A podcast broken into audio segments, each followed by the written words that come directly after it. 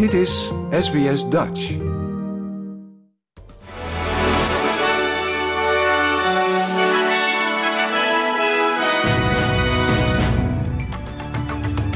Dit is de SBS Nieuwsflits van woensdag 9 augustus. Mijn naam is Paulien Roesink.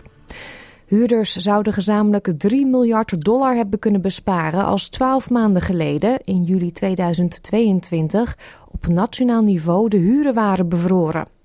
Analyse door de parlementaire bibliotheek in opdracht van de Groenen toont aan dat huurders in de komende 12 maanden 4,9 miljard dollar zouden kunnen besparen als de federale overheid nu een nationale huurbevriezing zou invoeren.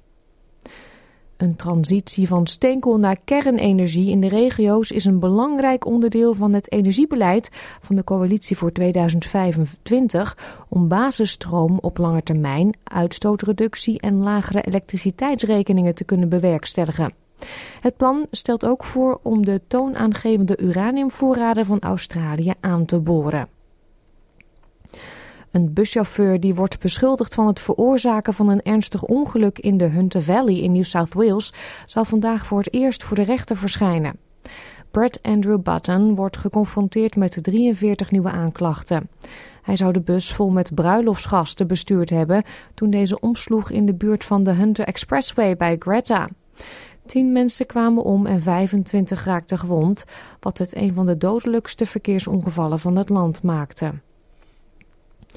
De gemeenschap van Corumburra in het oosten van Victoria wacht nog steeds op antwoorden nadat drie mensen zijn overleden door een vermoedelijke paddenstoelvergiftiging. Een vierde persoon vecht nog voor zijn leven.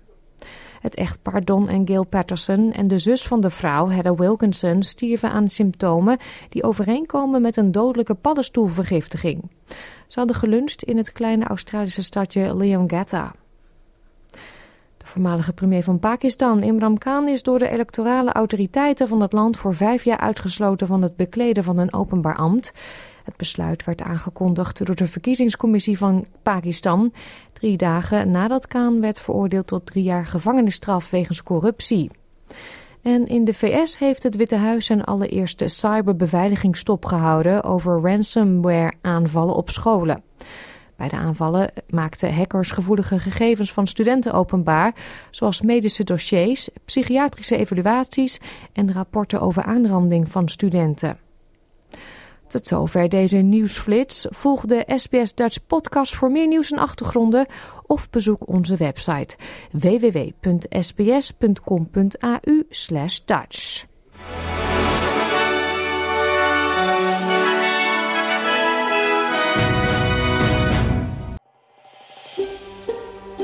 Wil je nog meer soortgelijke verhalen? Luister via Apple Podcasts, Google Podcasts, Spotify of waar je je podcasts dan ook vandaan haalt.